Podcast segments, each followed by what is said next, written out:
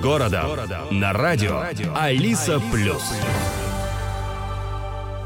Вас приветствует радио Алиса Плюс. Меня зовут Сергей Каратеев. И ближайшие 30 минут в нашем эфире традиционно для этого времени программа «Диалог с городом», где представители власти и структур самоуправления приходят в студию для того, чтобы пообщаться с жителями и ответить на вопросы редакции. Сегодня от лица власти мэр Даугавпилса Андрей Алксниш будет отвечать на вопросы. Здравствуйте. Добрый день. Это прямой эфир и телефон в студии 654 25 300. Приглашаю наших радиослушателей звонить. Смотреть нас можно в Фейсбуке, в профиле Алиса Плюс Радио. Начнем с полученных в школах и детских садах угроз. Даугавпилс, наверное, отреагировал серьезнее всех. В каждой школе и в каждом детском саду до сегодняшнего дня присутствуют работники муниципальной полиции. Вы запросили разъяснение у госполиции, провели встречу с руководством муниципальной полиции. Какие результаты? Ну, в первую очередь, я отец, а, в первую очередь э, я горожанин, и для меня была абсолютно непонятная ситуация тогда, когда все школы и детские сады получили угрозы, и сообщив об этом в государственную полицию, э, обратная связь была следующего содержания. Уровень э, угроз низкий, эвакуа... в эвакуации нет необходимости, то есть эвакуация, эвакуироваться не нужно. И э, на самом деле, э, вот э, посмотрев на всю эту ситуацию и узнав даже как родитель, я абсолютно понял и понимаю тех родителей, которые кто-то пошел в школу, кто-то побежал или в детский сад, начали забирать детей, потому что как понимать низкий уровень угроз? И как понимать э, вот это, это оповещение э, государственной полиции э, о том, что нет необходимости в эвакуации. Это что? Рекомендация, совет, указ, приказ. Да? И исходя из этого, абсолютная обязанность с нашей стороны была максимально отреагировать Э, особенно э, с точки зрения внесения ясности, э, как надо поступать в данной ситуации для того, чтобы в первую очередь не произошло бы то, что произошло, если вы помните, в Максиме. Там тоже срабатывала сигнализация, эвакуация при срабатывании сигнализации не происходила. Но когда произошла трагедия, искали виновных и в первом Первый виновник, э, которого пытались, скажем так, э, найти, это был сторож да, на тот момент. И исходя из этого, то, что мы сделали, это запросили у муниципальной полиции обеспечить э, присутствие в каждой школе и в детском саду. Для чего? Для того, чтобы в случае необходимости проводить координацию между руководством учебных заведений и государственной полиции. Это, во-первых. Во-вторых, э, дополнительный контроль на э, свой-чужой, то есть э, свой ребенок, чужой какой-то посетитель, да, который Непи Дороша Персона, возможно, могла бы быть или не быть, для того, чтобы в том числе прокоммуницировать, то есть, а был ли в это время кто-то чужой, да, для того, чтобы говорить вообще о каких-то рисках. И третье, я обобщил все вопросы, которые мне задавали на тот момент педагоги, Э, учителя, э, директора, э, родители, для того, чтобы государственная полиция все-таки дала бы четкое разъяснение по алгоритмов, алгоритмам, как необходимо действовать, раз. Два, конкретный нормативный акт, где было бы это указано. То есть, если есть низкого уровня угрозы, значит, есть и высокого уровня угроза. Если есть низкого и высокого, то как с прогнозом погоды, значит, есть и средний уровень угрозы. Вот необходимо четкое понимание для того, чтобы, соответственно, действовать, чтобы а, работники школ а, знали бы, как им нужно действовать. Параллельно а, каждая школа, которая получила угрозы, туда по итогу вообще никто не приехал проверять, было там что-то или не было. Часть школ проверяли директора с педагогами. Мы дополнительно задали вопрос, а действительно ли они что, собаки поисковые, чтобы обследовать классы и искать. И они специалисты, чтобы установить, там, это предмет какой, скажем так, опасный или не опасный. И, в принципе, на все заданные вопросы мы ждем ответы. На, на данный момент этих, этих ответов нет.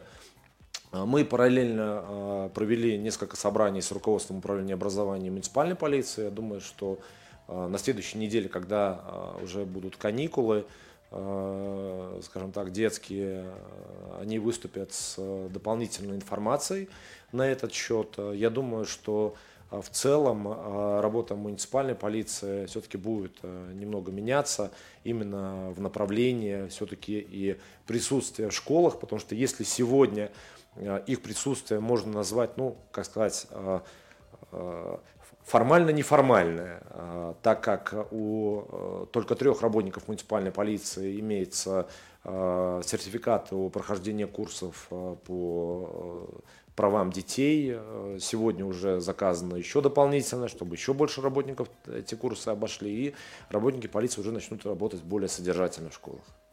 Скажите, а вот в связи с тем, что муниципальных полицейских разместили в каждом школе и детском саду на улицах нашего города, мы не остались без муниципальной полиции? А Достаточно кадров?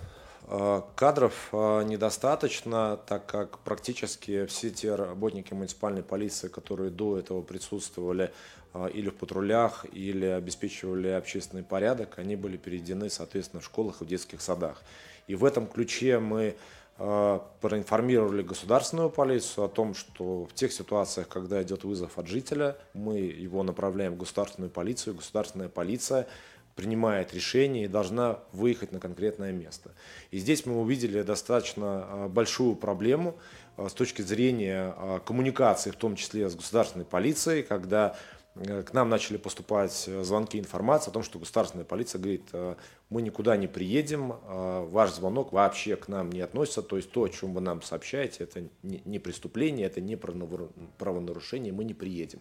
И здесь, с одной стороны, нужно сказать, ну, спасибо работникам муниципальной полиции, которые достаточно быстро поменяли свою ежедневную сферу деятельности, то есть патрулирование на школы как на данный момент самый актуальный приоритет, это раз. Два, я бы не стал бы винить в этой ситуации работников государственной полиции, потому что все мы знаем, что финансирование на уровне МВД недостаточно, государственная полиция в регионах закрывает участки, то же самое у нас произошло и в центре, и на химии, и на новостройке они планируют закрыть участок, то есть они оптимизируются. И исходя из этого э, я э, начал э, дискуссию и в ассоциации самоуправлений, и в Латгальском регионе планирования, и беседовал уже в том числе и с министром финансов на этот счет. Э, город выделяет достаточно большие деньги э, в сферу Сабериска карты Боедрошиба. Нам необходимо создавать э, совместно с государственной полицией, не дублировать какие-то функции, не заниматься футболом, который происходит. Одни звонят одним, вторые другим, и друг другу они перекидывают этих заявителей. А как раз-таки создать единые оперативные центры управления. У нас уже есть такое, у нас есть дежурная часть муниципальной полиции, есть система видеонаблюдения. Пожалуйста, давайте совместно работать, давайте сложим финансирование городское, сложим финансирование государственное.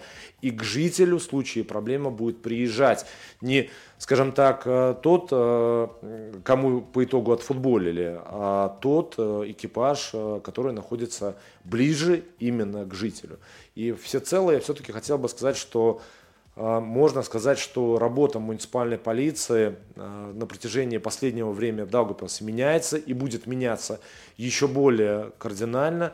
Я все-таки вижу в муниципальной полиции Даугавпилса не работу с точки зрения наказания и не работу с точки зрения, ну, как, как раньше было Э, удобно говорить, э, милиции, то есть переименовываем милицию в полицию, и тогда действуем, исходя из э, прав человека. Но мы а, отменили за последние годы и охрану Думы, и, и мэрских кабинетов. Двери Думы у нас открыты для всех посетителей. У нас на базе муниципальной полиции произошли изменения, создана служба Глаба и ДНС служба спасения, то есть э, на воде э, ребят работают. Это второй момент. Третий. Э, работники муниципальной полиции сегодня оперативно, ежедневно и они самые быстрые, которые могут среагировать на случаи вопросов, связанных с гражданской обороной. Это или поиски пропавшей девочки, как мы помним, в Илуксте, или помощи в Екапелсе с точки зрения затопления. И вот сейчас будет новый виток изменений муниципальных полиций, то есть это большая превентивная работа и присутствие э, именно в школах и учебных заведениях. И мы идем к концепту под э, названием «Безопасная школа», для того, чтобы каждый родитель мог бы чувствовать себя спокойным о том, что школа, в которой находится ребенок, является замком, где ребенку ничего не угрожает. 654-25-00, номер телефона прямого эфира. Я приглашаю наших радиослушателей звонить и задавать вопросы нашему гостю. В гостях сегодня мэр Даугавпилса Андрей Алкнич. Андрей, в наушнике будет слышен вопрос. Здравствуйте, добрый день, пожалуйста. Здравствуйте. Я вот по такому вопросу. Э, у меня муниципальная квартира.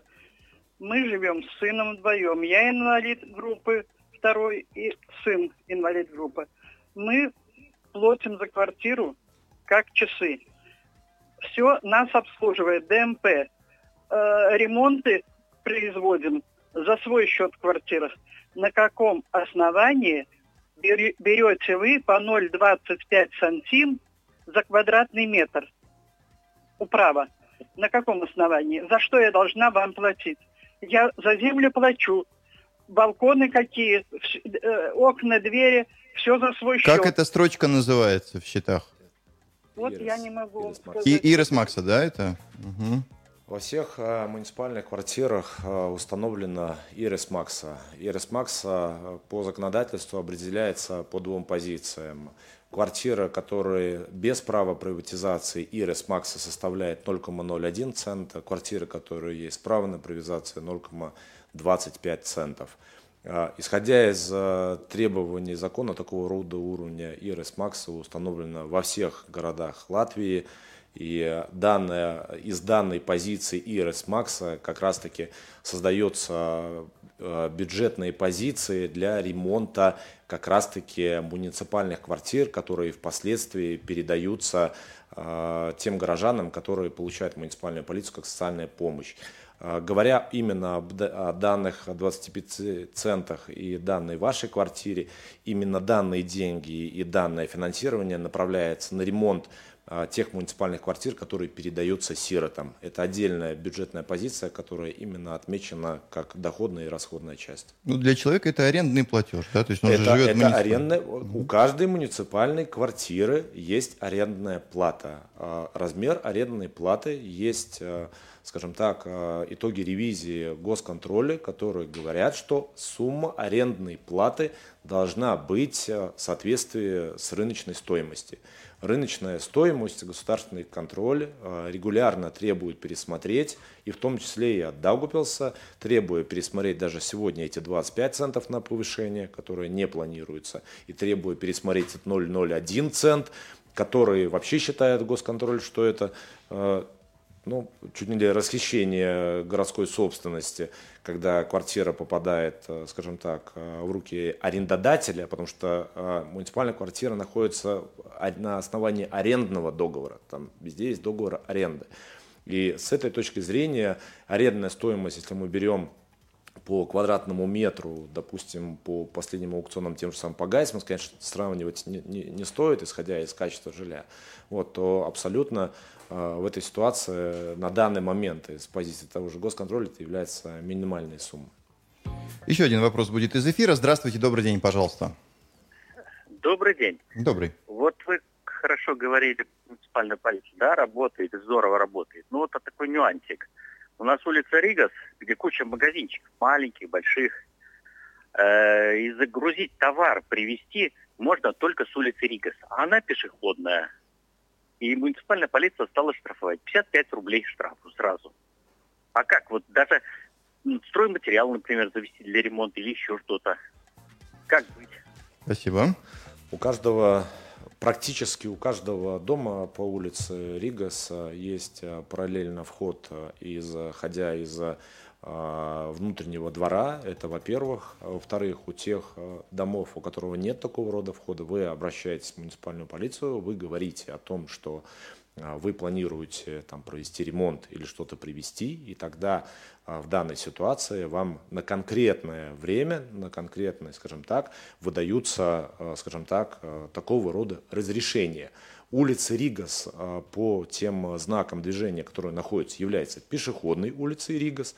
И в данной ситуации необходим порядок, потому что у нас были случаи, когда несется, извините, там а, тетрапак какой-нибудь или винопак, как они называются, а, Курьер, и, и, и, и летит наверх, идет мама с коляской, а, бывают случаи, когда на улице Ригас конфликты даже происходят между теми водителями, которые там а, наезжают, объезжают на бордюры и, и, или занимаются. И по каждой такой ситуации, если необходима доставка, отдельно обращайтесь, получайте разрешение, и тогда нет никаких каких проблем. Обычно штрафуют э, или, ну, скажем так, проводится работа с теми, которые периодически это игнорируют.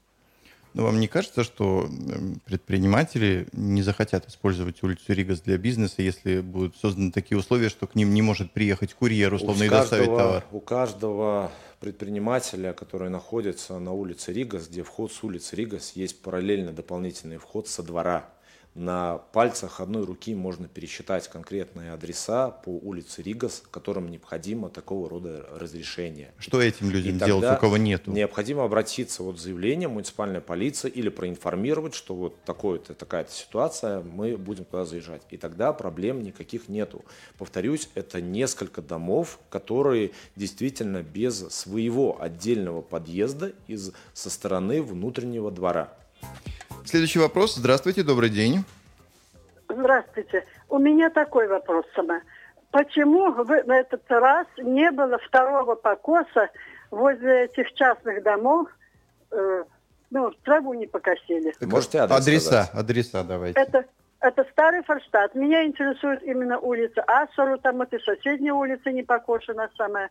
Ну почему? Я прямо-таки, я была дозвонилась до этого начальника, который от, ну, отвечает за гражданные дороги. Он мне прямо так грубо ответил, был второй покос, и все, и больше, больше не будет. А как не было покоса, так его и нет. Права по пояс.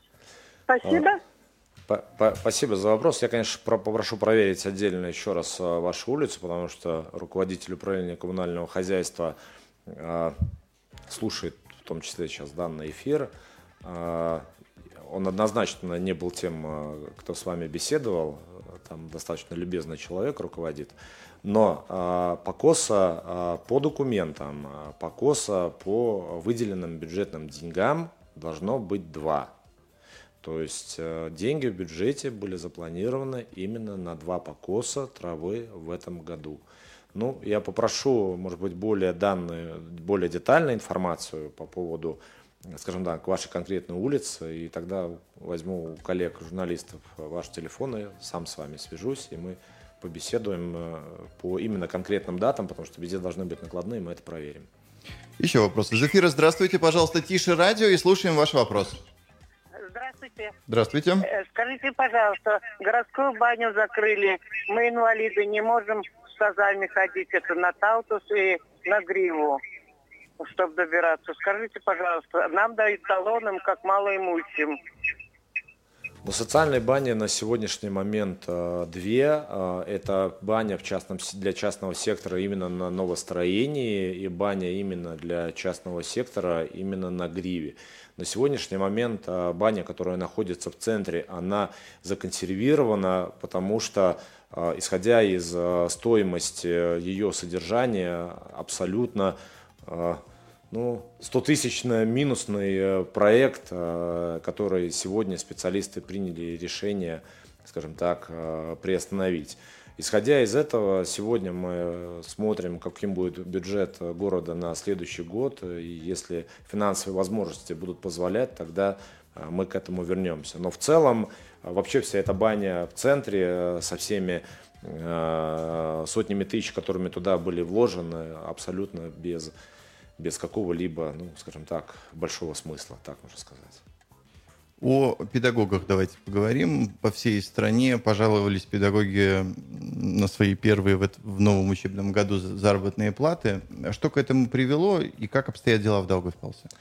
А, на сегодняшний момент а, мы обобщаем информацию и а, именно у тех педагогов, которые получили больше, тех педагогов, которые получили, получили меньше, и наблюдаем за той дискуссией, которая происходит между профсоюзом, которое подписало такого рода соглашение, и Министерством образования.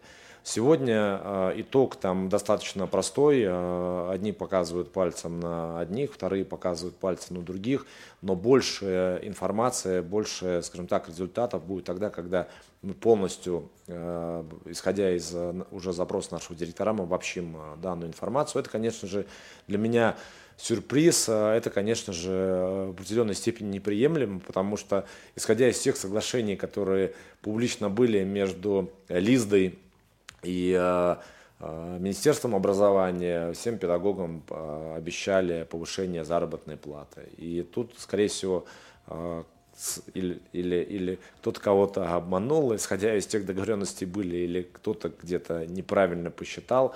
Но как факт, то, что у нас достаточно неплохо получилось, это увеличение заработной платы до школьным педагогам, то есть педагогам, которые работают в детских садах, это первый момент. И, и второй момент, э, конечно же, это э, мое задание, мое поручение руководства управления образования обеспечить э, в том числе и индексацию заработной платы нянечкам в детских садах.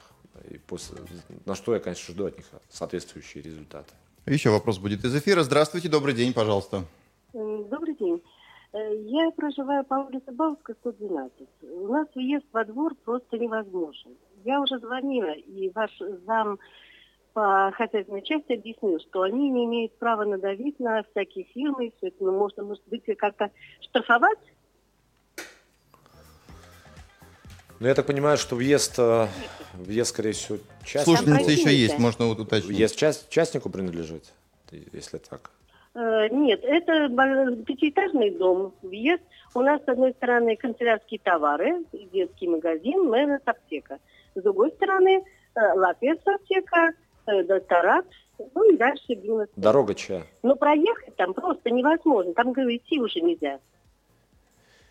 Ну, я посмотрю по, по, по кадастру принадлежность земли, и тогда, может быть, детальнее смогу ответить на этот вопрос. Но обычно у каждого дома есть своя прилегающая территория, если особенно это многоэтажный. Если это городская проезжая часть, то делает город. Если, ну, там вот такая ситуация. Если городская проезжая часть, то делает город. А если э, частника проезжая часть, то делает частник. Если, ну, сейчас, да, мне показывают фотографии. Если так, ну да, скорее всего, участника.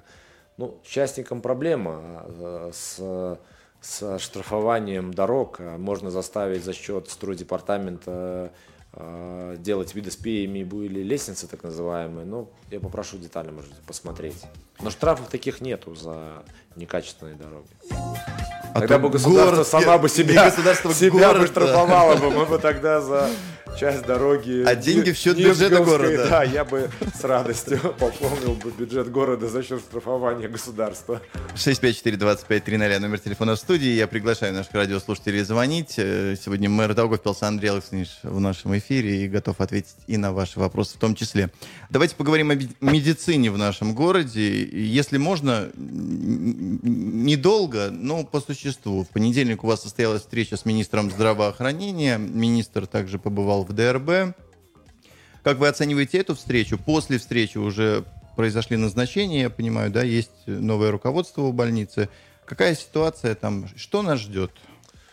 А, нас ждет э, то, о чем э, предыдущий руководитель больницы говорил год, о том, что сфера здравоохранения недофинансируется, и данное недофинансирование настолько существенно, что ставит под угрозу существование всех региональных больниц. Такова единая позиция всех региональных больниц э, по стране. Более того, некоторые даже города рассматривают возможность э, об объявлении чрезвычайной ситуации в сфере здравоохранения именно из-за недостатка финансирования. Здесь нужно понимать, что недостаток финансирования и исходя из этого финансовые проблемы больницы самостоятельно решать не могут, а если решают, то, по примеру, Екапельской больницы берут быстрый кредит для того, чтобы рассчитаться, допустим, за медикаменты или за, за зарплаты медицинскому персоналу. И вот это как раз-таки абсолютно ненормально, это как раз-таки неприемлемо. И главный предмет разговора с, Министерством здраво... с министром здравоохранения у нас было о необходимости все-таки пересмотреть принципе софинансирование. Почему? Потому что больницы всецело финансируются государством, тарифы, по которым государство размещает свой заказ, они недостаточны они не предусматривают и удорожание медикаментов, и удорожание, допустим, продуктов питания, и, скажем так, энергоресурсов, и повышение минимальной заработной платы. И все это, конечно же, ложится на плечи э, руководителей больницы, которые из дня, из дня в день говорят о возможных банкротах больницы. А, министр не первый, а, встреча у меня не с первым министром. А, здесь нужно сказать, что человек из сферы, сферы здравоохранения, доктор, достаточно, ну, хороший на самом деле, очень хороший гастроэнтеролог. Вот, а, поэтому я думаю, ему не нужно времени для того, чтобы разгоняться, как работает система, он знает. И я думаю, что ему нужна наша помощь. Наша помощь в чем? Он министр здравоохранения, но не министр финансов. Как известно, за деньги а, отвечает абсолютно другое министерство. И здесь мы на самом деле беседовали именно как раз по тем позициям, как государство может выделить дополнительно деньги, индексировать, скажем так, те а, затратные позиции, которые в Докупецкой региональной, региональной больнице были. А, какие будут итоги, результат, я не знаю. А, мы ждем, а, и на сегодняшний момент составляется бюджет на страны на следующий год. Исходя из этого будет понятно и бюджет города, и бюджет региональной больницы. Он недостаточен ни для города, ни для больницы, поэтому идут политические дискуссии, разного рода консультации для того, чтобы все-таки финансирование пришло. А, параллельно этому я а, придерживаюсь э, к своей позиции. А, она у меня достаточно долгое время не меняется. Как минимум с 2014 года, когда я первый раз предложил о необходимости вхождения государства как учредителя в региональные больницы. Зачем это необходимо? Необходимо это потому, что те больницы, где государство является ну, э, де-факто собственником, да, а они на сегодняшний момент де-факто, по сути, собственники, э, де юры лишь э, доли принадлежат городу, району и э, страдане, то те больницы, где государство собственник, они финансируются приоритетно. И а остальные региональные больницы финансируются по остаточному принципу. Так вот, так как остатков в сфере здравоохранения нет, то по остаточному принципу не финансируется практически никто в должном размере. И тут Конечно же, если государство стало бы учредителем, как Галлизер или как а, Страдани клинической университетской больницы, тогда, соответственно, государство могло бы дополнительно вложить деньги, и именно о таком, такой возможности вложения средств мы с министром общались. А, но на сегодняшний момент э, из всех э, министров здравоохранения предыдущих этот уже довел дальше всех этот вопрос, э, поручив данный вопрос рассмотреть ответственным чиновникам. А, больница будет, больница должна быть. А, как известно, а, не выдержал все, что происходит с точки зрения всех баталий предыдущий руководитель. На сегодняшний момент Совет больницы назначил оперативное управление больницы, временных членов правления. Это известная догубилчанка доктор Инта Вайвода, исходя из ее опыта предыдущего руководства – скажем так, медицинских учреждений, это раз, и бывший руководитель Национал Свеслибас Денис Эдгар Слапсерс, тоже догупилчанин, э, когда-то в русском лицее учился, э, финансист, экономист, знает систему изнутри, их задача на сегодняшний момент принять оперативные шаги, сделать оперативные шаги для того, чтобы стабилизировать ситуацию в больнице, так как минус – больниц в миллионах исчисляется порядка 8 миллионов евро, что абсолютно является признаком неплатежеспособности. Поэтому сегодня делается все возможное, чтобы больница была, работала, Самоуправление, в свою очередь, продолжит, делало, делает и будет делать, реализовать программы по привлечению резидентов. Мы увеличили поддержку врачей за последние два года где-то вдвое, практически до 300 тысяч евро в год. Дополнительно, конечно, это те вложения, которые у нас есть с точки зрения или в оборудование, которое город вкладывал, или буквально вот сейчас летом мы а, в основной капитал больницы вложили в том числе и городскую поликлинику, как раз таки для того, чтобы больнице помочь с финансовыми показателями, а, которые уже сегодня влияют в том числе на негативное освоение уже европейских средств. То есть больница сегодня должна стабилизироваться и становиться на путь развития, чего я жду от, соответственно, а, новых руководителей. Это прямой эфир, программа «Диалог с городом». Следующий телефонный звонок. Прошу прощения, долго ожидали, но у вас есть возможность задать вопрос. Пожалуйста. Labdien! Labdien! Es gribētu uzzināt, kā te Ilgsniņa kungs pildīja savus uh, pirmsvēlēšanas solījumus. Kādus tiešus? Viņš bija solījis, ka nokārtos lietu par gājēju pārēju uz Mihoelsa un Rīga uh, Raina ielas stūra.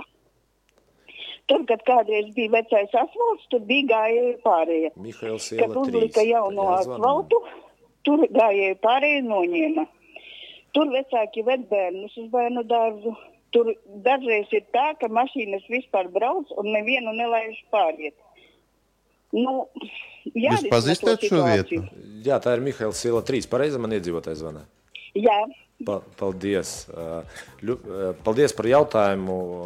Te, teicu iepriekš un arī šoreiz ir transporta komisijas skatīts jautājums attiecībā uz gāju pārēju Mihails iela 3 un, nu, tur Mihails un Raiņa ielas krustojums, Mihails 3, Raiņa 16, un šis jautājums ir skatīts vairākas reizes transporta komisijā, un tas, kas ir darīts, lai kā reiz mazinātu transporta plūsmu, ir padarīta tā Raiņa ielas daļa par vienvirziena ielu, kā reiz, lai samazinātu drošības apdraudējuma riskus.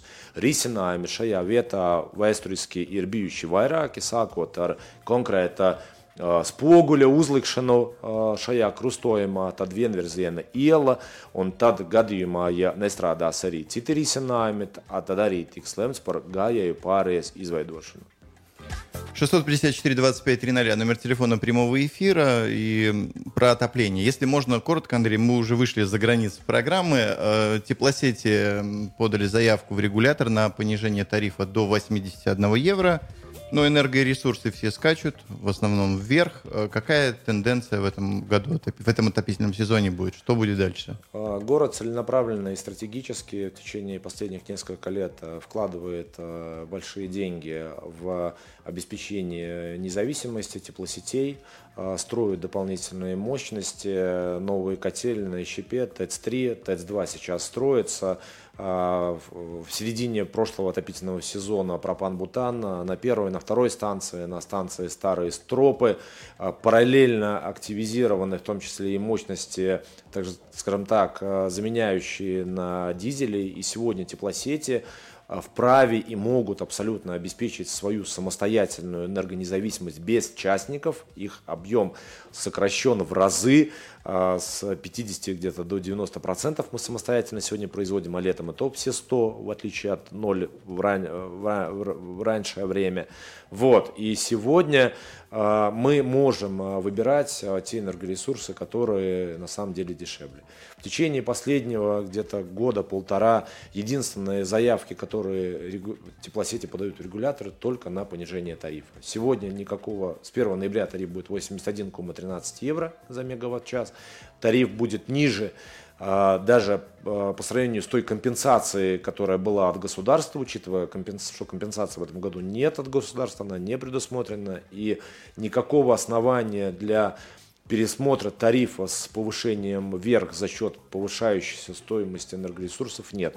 У предприятия фиксированные договора, у предприятий ну, достаточно э, э, хорошие поставщики в лице государства, которое сегодня вынуждено продавать нам дешевле, чем биржевая стоимость, исходя из контрактов, которые есть. И единственная дискуссия, которая может быть, я об этом уже сказал руководство теплосетей, это о понижении тарифа на тепло после завершения работ по строительству ТЭЦ-2 в конце этого года, то есть январь-февраль жду их у себя с э, предложениями по понижению. Еще вопрос будет из эфира. Здравствуйте, пожалуйста. Э, здравствуйте. Здравствуйте. Э, у нас на Смилшу 105 перед подъездом растет очень большая береза, которая совсем наклонилась. Сейчас такие ветра. Того и глядит, что она упадет на, и сломает нам все лоджии. Просим, если это можно, посодействовать, чтобы ее А убрали. ваш дом по ЖКХ обслуживает? Смилшу 105. Всегда интересный человек. Вы обращались в домоуправление вот с этим вопросом? Да, вот соседи уже, э, э, соседи э, говорят, что обращались во все инстанции. И что, а и она в ответ? совсем уже наклонилась, эта береза, и никто не убирает ее. Ну, я попрошу, чтобы э, лесник из управления коммунального хозяйства подъехал бы, посмотрел бы. Это первый момент. И второй момент, э, тоже ваш телефон запишем. И я попрошу, чтобы ответственные из Дома управления перезвонили бы и объяснили бы, что с ней и что будут делать. Андрей, а вам не кажется, что это была хорошая бы практика? Вот я обращаюсь, да, можете посмотреть, э, я в лабе картошную регулярно звоню. Говорю, вот не горит фонарь, да? А его не зажигают, и в ответ никто ничего не говорит. Вам не кажется, что было бы хорошо отвечать горожанам?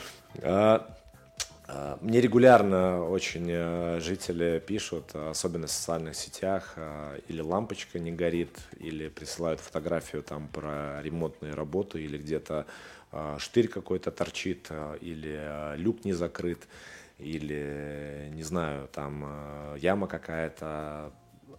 Готов быть, э, скажем так, проводником для всех наших служб. Нет, и... я вообще про службы говорю. То есть не, вам, как мэру, не хочется так, чтобы я обращаюсь в Лабе Картошин? Я горожанин. Хочется. А почему это не работает? А, ну, я не сказал бы, что это не работает а, и, и, и работает. А, дело в том, что в любой ситуации все-таки за все отвечает мэр, и я так понимаю, что да, в данном случае я, скажем так, э, являюсь последней инстанцией э, в отношении данных решений, но я бы все-таки под одну или вторую гребенку, может быть, все случаи не, не, не, не подводил бы, потому что есть где коммуникация проходит достаточно успешно, есть где неуспешно, и тогда мы все встречаемся у меня в кабинете. То есть, в принципе, если проблема нерешаема, и если житель хочет встретиться, я, он и ответственные службы, которые выдали ему отказ, то без проблем э, мы, мы такие э, разборы полетов э, проводим у меня в кабинете, где, в принципе, выслушиваются все стороны и, соответственно, принимаются решения. У нас в каждом случае, когда какая-то служба принимает какой-то отказ или где-то игнорирует, или где-то не обращает внимания, говорил, говорю и буду говорить, дайте мне о них знать, приходите, а, мы а, очень часто отменяем решения, которые принимаются. У нас достаточно сильный юридический департамент, и каждый отдельный случай, он рассматривается отдельно. И задача как раз-таки в этих ситуациях жителю помочь. Да? И для того, чтобы помочь, порой э, достаточно просто внести ясность. Да? Вот как с этим покос. Вот проверим, один или два было. Да? Ну, вот если два, значит два. Еще вопрос из эфира успеем принять. Добрый день, здравствуйте. Пожалуйста, ваш вопрос в эфире. Добрый день. Добрый день. Э, я старшая по дому Бауска 103 и перпендикулярно к нам дом Бауска 101.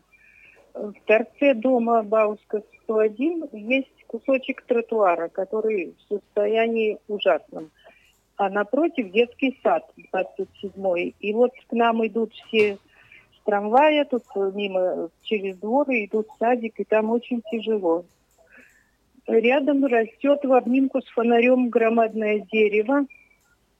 От фонаря уже там провод к дому, и крона уже там запуталась в этом проводе. Нужно бы его убрать. Там корни наверх, оно старое. И рядом по соседству такое же дерево под 45 градусов. Это вот э, рядом просто нашего дома 103. Я думаю, что это территория УПХ, а не домов наших. Ну что, Андрей, как будем решать Пос- этот пос- вопрос? Посмотрим, э, проверят. Э, Повторюсь, спасибо за вопросы. И, и абсолютно не стесняйтесь. Э, Вот каждая такая ситуация можно написать мне на Facebook, смс и э, она автоматически копируется, пересылаются ответственным, так же, как и со всеми сегодняшними звонками, э, все идут э, на соответствие выполнения. Если не выполнение, то разъяснение и обратную связь с жителями, которые, соответственно, обязаны... Вы можете на меня даже обязаны, злиться, Андрей. Обязаны, обязаны, обязаны э, реализовать. э, И нет, нет, как сказать, нет границ для совершенства. Давайте я еще раз попробую. Я не хочу вас обидеть ни в коем об- образом. Я не сахарный, на- я не растаю. наде- ну, ну, есть служба, вот она отвечает за что-то. Есть житель, который имеет возможность обратиться к мэру. Это хорошо. Но почему он не может решить этот вопрос годами, обращаясь в разные структуры самоуправления? Потому что необходимо каждый отдельный случай рассматривать отдельно. Потому что есть тысяча других случаев, которые ежедневно решаются. И у каждого, возможно, этого случая есть определенная причина. Или это земля, предположим, частная юридического лица, вот как сегодня был вопрос.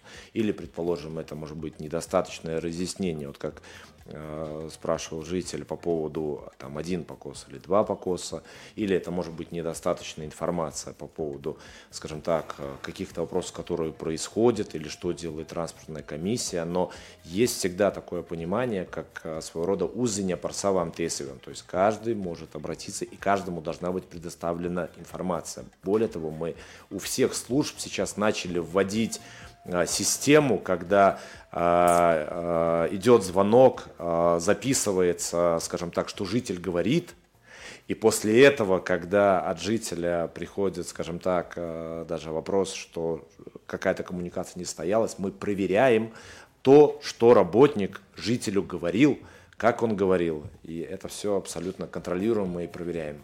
И этот человек умудряется еще и трамваи распаковывать. Давайте поговорим о трамвае. На этой неделе э, ЛРЗ презентовал новые трамваи. Какие ваши впечатления и когда новый вагон э, будет доступен для пассажиров?